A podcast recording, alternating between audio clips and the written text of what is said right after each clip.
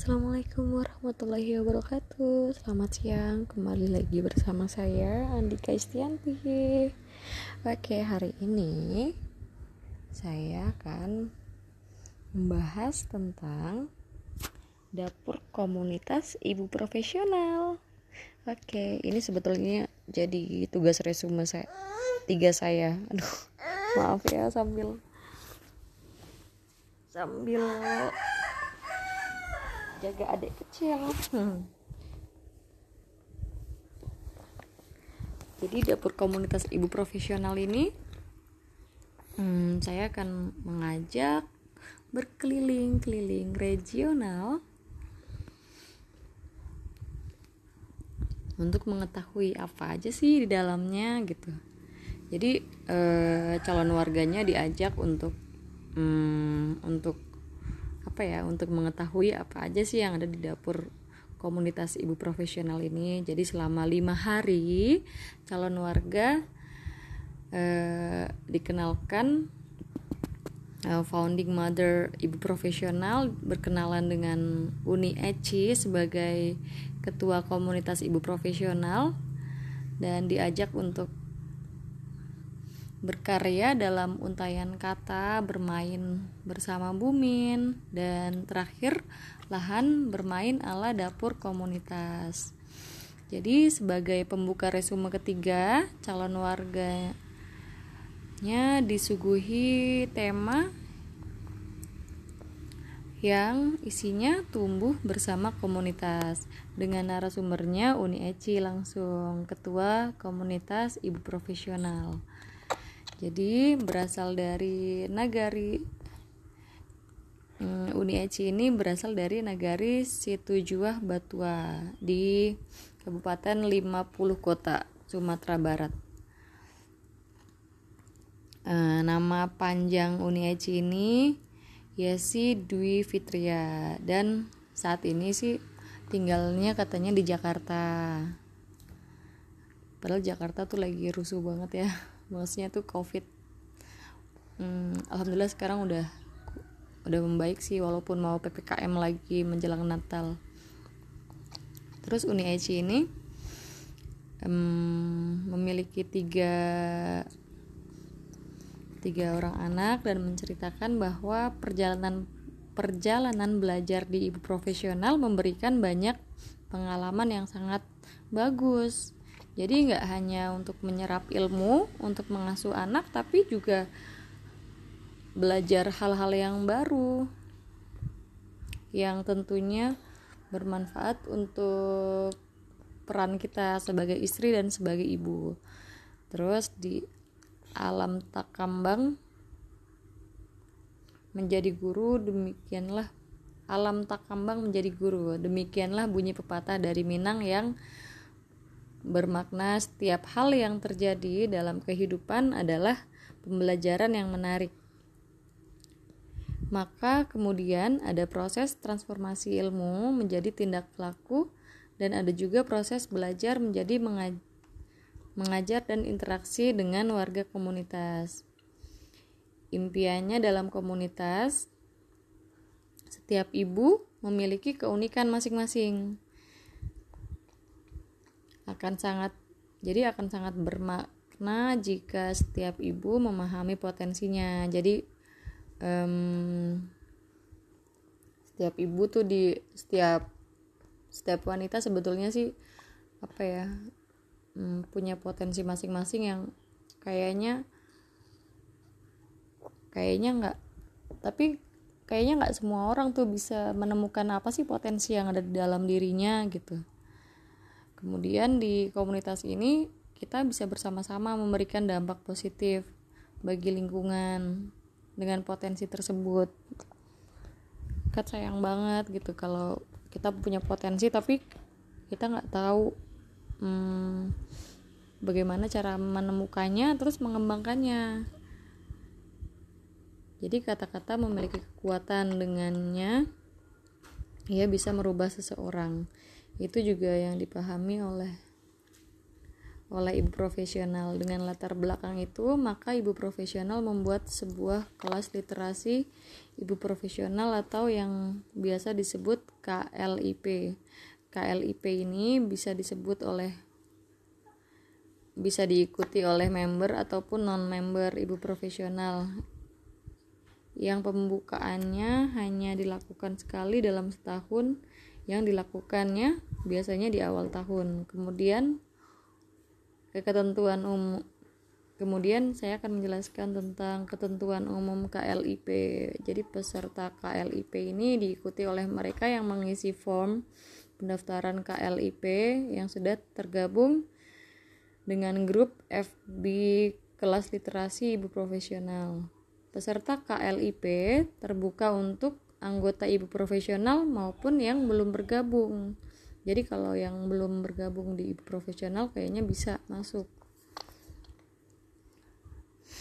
Terus tiga langkah mengikuti KLIP ini caranya join FB grupnya FB group komunitas literasi ibu ibu profesional kemudian kita harus mengisi form form pendaftaran KLIP setelah itu isi form setoran bulanan selanjutnya hmm, ketentuan keduanya form pendaftaran KLIP ini dibuka pada awal tahun. Jadi harus dipantengin tuh awal tahun di FB grupnya. Jadi harus uh, join dulu di situ.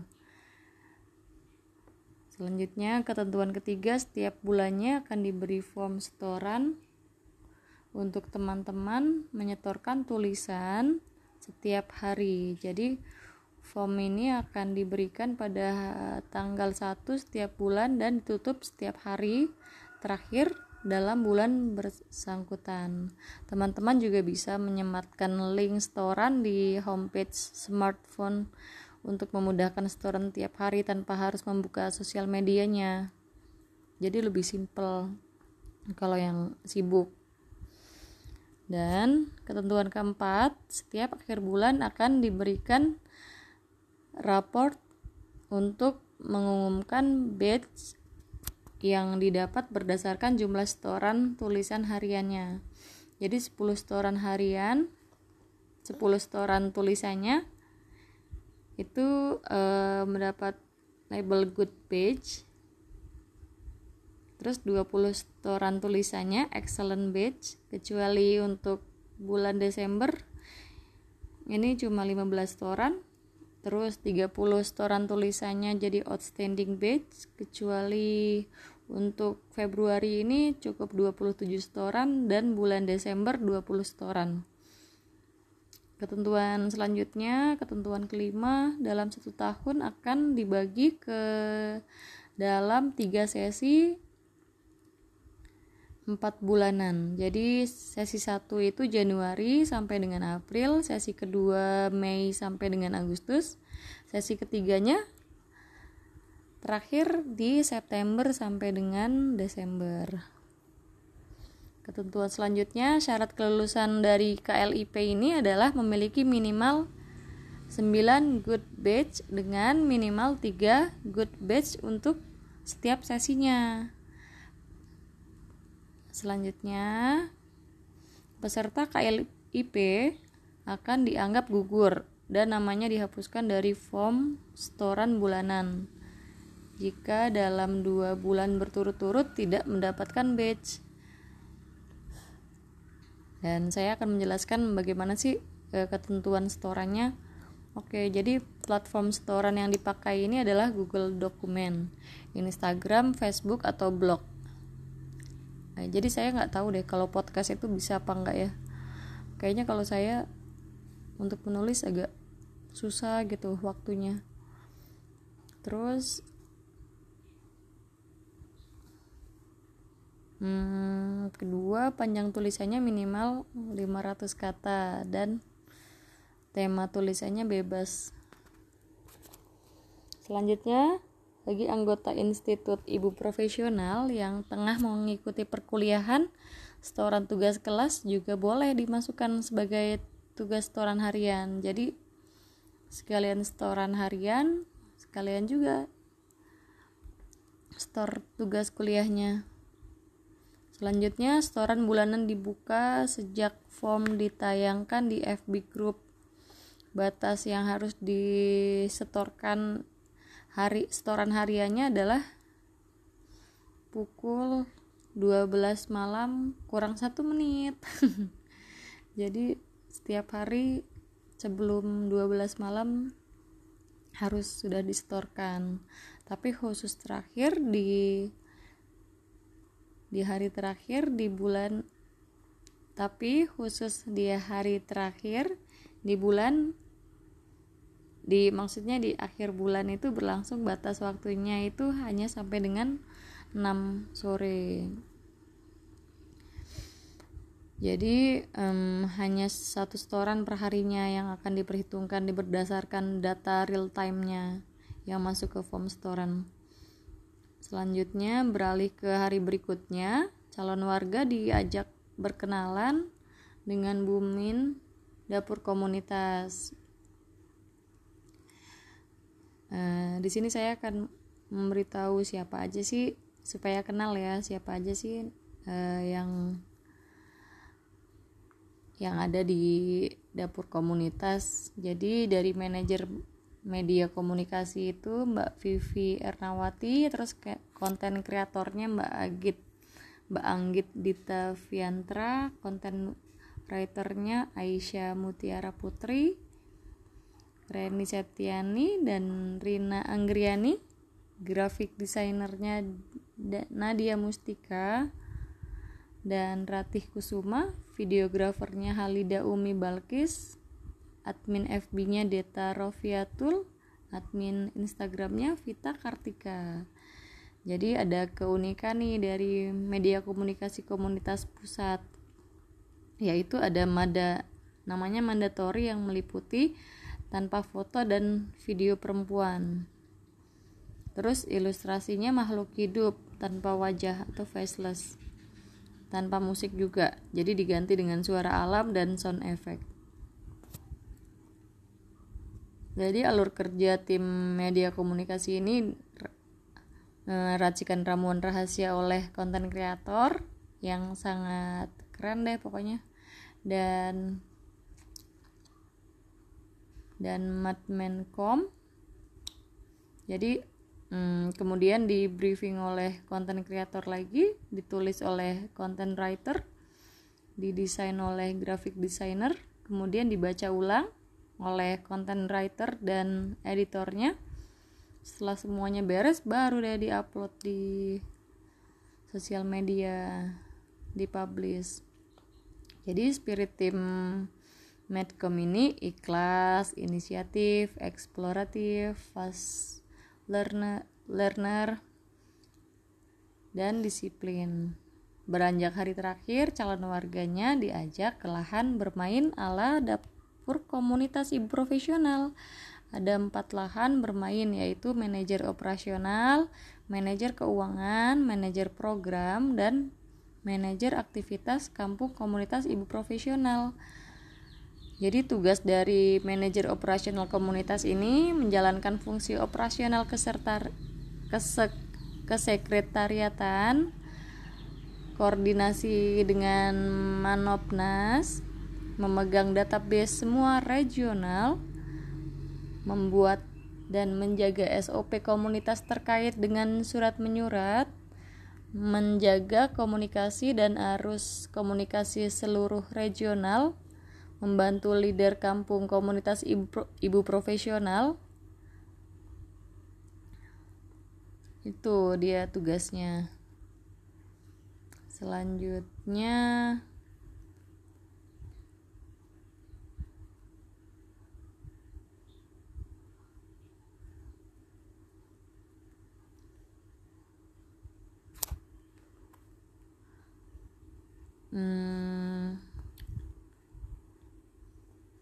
jadi setelah tugas manajer operasional komunitas tadi selanjutnya tugas manajer keuangan komunitas ibu profesional yaitu mencatat mencatat keuangan komunitas ibu profesional melakukan pengajuan keuangan komunitas ibu profesional dan terakhir koordinasi dengan manajer keuangan pusat. Tuga, terus selanjutnya tugas manajer program komunitas ibu pro, ibu profesional yaitu membuat acara, program dan playground untuk warga dan calon warga kampung komunitas serta melakukan koordinasi dengan leader kampung komunitas, ibu profesional, dan mengadakan program kampung bakat, kampung main, dan super camp. Yang terakhir, tugas manajer aktivitas komunitas ibu profesional yaitu mengkoordinir kegiatan yang ada di komunitas, mengelola semua kegiatan yang ada di komunitas yang meliputi 3R yaitu Rumbel, Rumba, dan Rumin. Terakhir mengadakan event. Oke, jadi kurang lebih itu sih yang didapat dari dapur komunitas. Uh, Jadi kita harus bisa nih tumbuh bersama komunitas. Tadi banyak kan tugasnya. Terus hmm, apa ya? Kita harus tahu perannya, tanggung jawabnya jadi dari hmm, dari yang tadi saya sampaikan saya mohon maaf kalau ada kekurangan dan sekali lagi kalau masih penasaran tentang ibu profesional ayo jangan ragu untuk follow instagramnya facebooknya dan semua sosial medianya Oke, terima kasih. Selamat siang. Wassalamualaikum warahmatullahi wabarakatuh.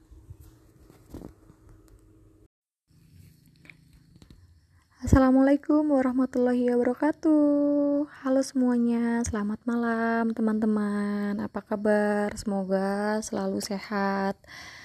Oke, nama saya Andika Istianti, biasa dipanggil Tia, ibu dari tiga putra putri dan hari ini saya akan menceritakan tentang hmm, apa kegiatan beberapa pekan lalu yaitu di Gelanggang Inspirasi Kampung Komunitas Ibu Profesional. Singkat saja, jadi um, kemarin kita um, membahas tentang strong way berkomunitas.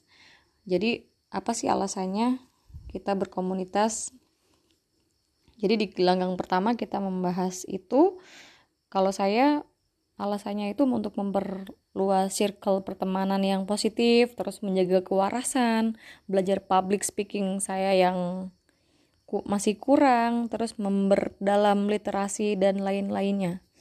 Dan semua itu bermuara untuk satu tujuan yaitu menggali potensi diri untuk lebih berkembang dengan didasari rasa senang dan bahagia dalam menjalaninya. Jadi hasilnya membentuk kita sebagai wanita, istri dan ibu yang sehat, bahagia untuk mendampingi suami dan tumbuh kembang anak.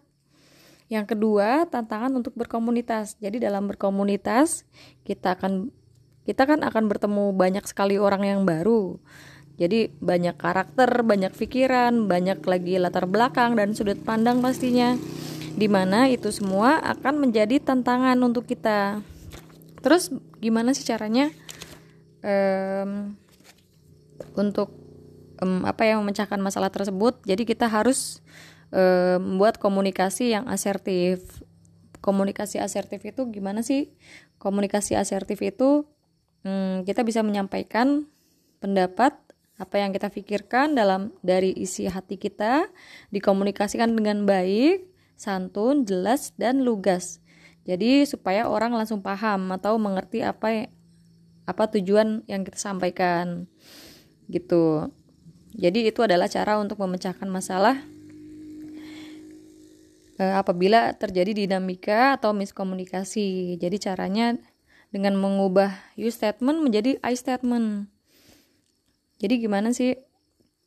Jadi contohnya kalau kita eh, mau memberikan pendapat atau kita mau menegur orang dalam suatu komunitas jadi kita jangan contohnya kalau orang itu jarang aktif di komunitas kita jangan langsung bilang hei kamu kenapa ya nggak pernah datang atau nggak pernah aktif lagi. Jadi kita harus merubah kalimat tersebut menjadi e, saya perhatikan kamu sibuk ya nggak per, e, apakah ada masalah atau at, apakah ada yang bisa saya bantu? Gitu. Terus setelah itu hmm, tips berkomunitas. Jadi tips berkomunitasnya kita berkenalan dengan member komunitas terus responsif. Terus ikut juga kegiatan online atau offline-nya. Terus berani mengambil peran. Jadi kita jangan jangan nunggu ditunjuk untuk mengambil peran tersebut tapi kita menawarkan diri. Dan kita um, harus terjun langsung uh, maksudnya berperan ke komunitas tersebut supaya tidak pasif. Jadi nggak bosen gitu terus selanjutnya di ruang bermain regional. Di ruang bermain regional ini ada tiga yaitu ruang belajar yang di mana kita dapat memilih sesuai passion kita kurikulumnya juga jelas. Terus rumah bermain atau rumin membuat kegiatannya bermanfaat kegiatan yang bermanfaat. Terus ini tidak terlalu terstruktur. Selanjutnya rumah berbagi atau rumba membuka kelas berbagi ilmu untuk umum. Selanjutnya kontribusi warga baru di regional. Jadi kita berkenalan ikut ngobrol terus berbagi ide juga aktif bertanya dan lagi kita bergabung dengan rumah belajar. Setelah itu, kita akan menghasilkan karya di ruang belajar tersebut dan bisa menjadi bagian dari pengurus. Gitu. Jadi kurang lebih itu sih yang kita pelajari di gelanggang inspirasi leader. Oke, kayaknya pasti masih banyak banget nih eh, apa ya informasi yang yang harus saya sampaikan tapi waktu kita terbatas dan pasti masih banyak ibu-ibu lain yang penasaran tentang ibu profesional silahkan follow dan ikuti terus informasi menarik dari ibu profesional ada follow Instagram dan Facebooknya silahkan langsung ke situ dan sampai jumpa di ibu profesional selanjutnya Mari kita bergabung. Selamat malam. Wassalamualaikum warahmatullahi wabarakatuh.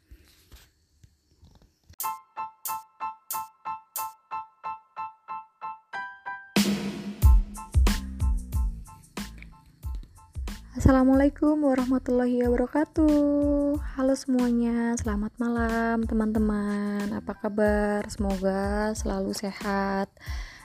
Oke, nama saya Andika Istianti biasa dipanggil Tia, ibu dari tiga putra putri, dan hari ini saya akan menceritakan tentang hmm, apa kegiatan beberapa pekan lalu, yaitu di Gelanggang Inspirasi Kampung Komunitas Ibu Profesional.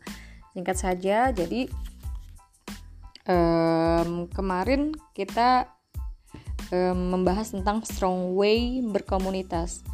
Jadi apa sih alasannya kita berkomunitas jadi di gelanggang pertama kita membahas itu kalau saya alasannya itu untuk memperluas circle pertemanan yang positif terus menjaga kewarasan belajar public speaking saya yang ku masih kurang terus memperdalam literasi dan lain-lainnya dan semua itu bermuara untuk satu tujuan yaitu menggali potensi diri untuk lebih berkembang dengan didasari rasa senang dan bahagia dalam menjalaninya. Jadi hasilnya membentuk kita sebagai wanita, istri dan ibu yang sehat, bahagia untuk mendampingi suami dan tumbuh kembang anak.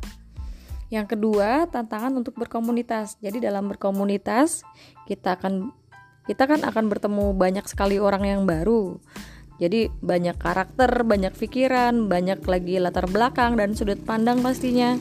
Di mana itu semua akan menjadi tantangan untuk kita.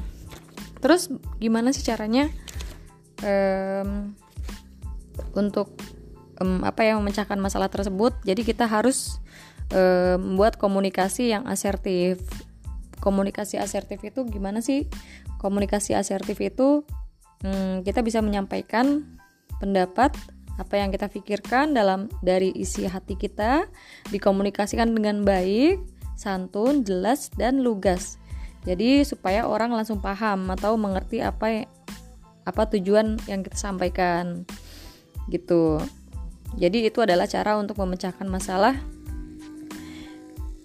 apabila terjadi dinamika atau miskomunikasi. Jadi caranya dengan mengubah you statement menjadi I statement.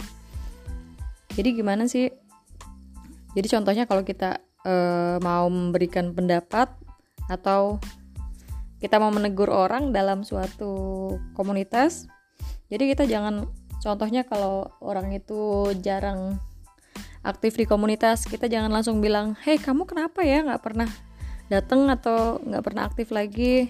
Jadi kita harus merubah kalimat tersebut menjadi e, saya perhatikan kamu sibuk ya nggak uh, apakah ada masalah atau apakah ada yang bisa saya bantu? Gitu. Terus setelah itu um, tips berkomunitas. Jadi tips berkomunitasnya kita berkenalan dengan member komunitas terus responsif. Terus ikut juga kegiatan online atau offline-nya. Terus berani mengambil peran. Jadi kita jangan jangan nunggu ditunjuk untuk mengambil peran tersebut tapi kita menawarkan diri. Dan kita um, harus terjun langsung um, maksudnya berperan ke komunitas tersebut supaya tidak pasif. Jadi nggak bosen gitu terus selanjutnya di ruang bermain regional di ruang bermain regional ini ada tiga yaitu ruang belajar yang di mana kita dapat memilih sesuai passion kita, kurikulumnya juga jelas. Terus rumah bermain atau rumin membuat kegiatannya bermanfaat, kegiatan yang bermanfaat. Terus ini tidak terlalu terstruktur. Selanjutnya rumah berbagi atau rumba, membuka kelas berbagi ilmu untuk umum. Selanjutnya kontribusi warga baru di regional. Jadi kita berkenalan ikut ngobrol terus berbagi ide juga aktif bertanya dan lagi kita bergabung dengan rumah belajar. Setelah itu kita akan menghasilkan karya di ruang belajar tersebut dan bisa menjadi bagian dari pengurus gitu. Jadi kurang lebih itu sih yang kita pelajari di gelanggang inspirasi leader. Oke, kayaknya pasti masih banyak banget nih uh, apa ya informasi yang yang harus saya sampaikan. Tapi waktu kita terbatas dan pasti masih banyak ibu-ibu lain yang penasaran tentang ibu profesional silahkan follow dan ikuti terus informasi menarik dari ibu profesional ada follow Instagram dan Facebooknya silahkan langsung ke situ dan sampai jumpa di ibu profesional selanjutnya. Mari kita bergabung. Selamat malam. Wassalamualaikum warahmatullahi wabarakatuh.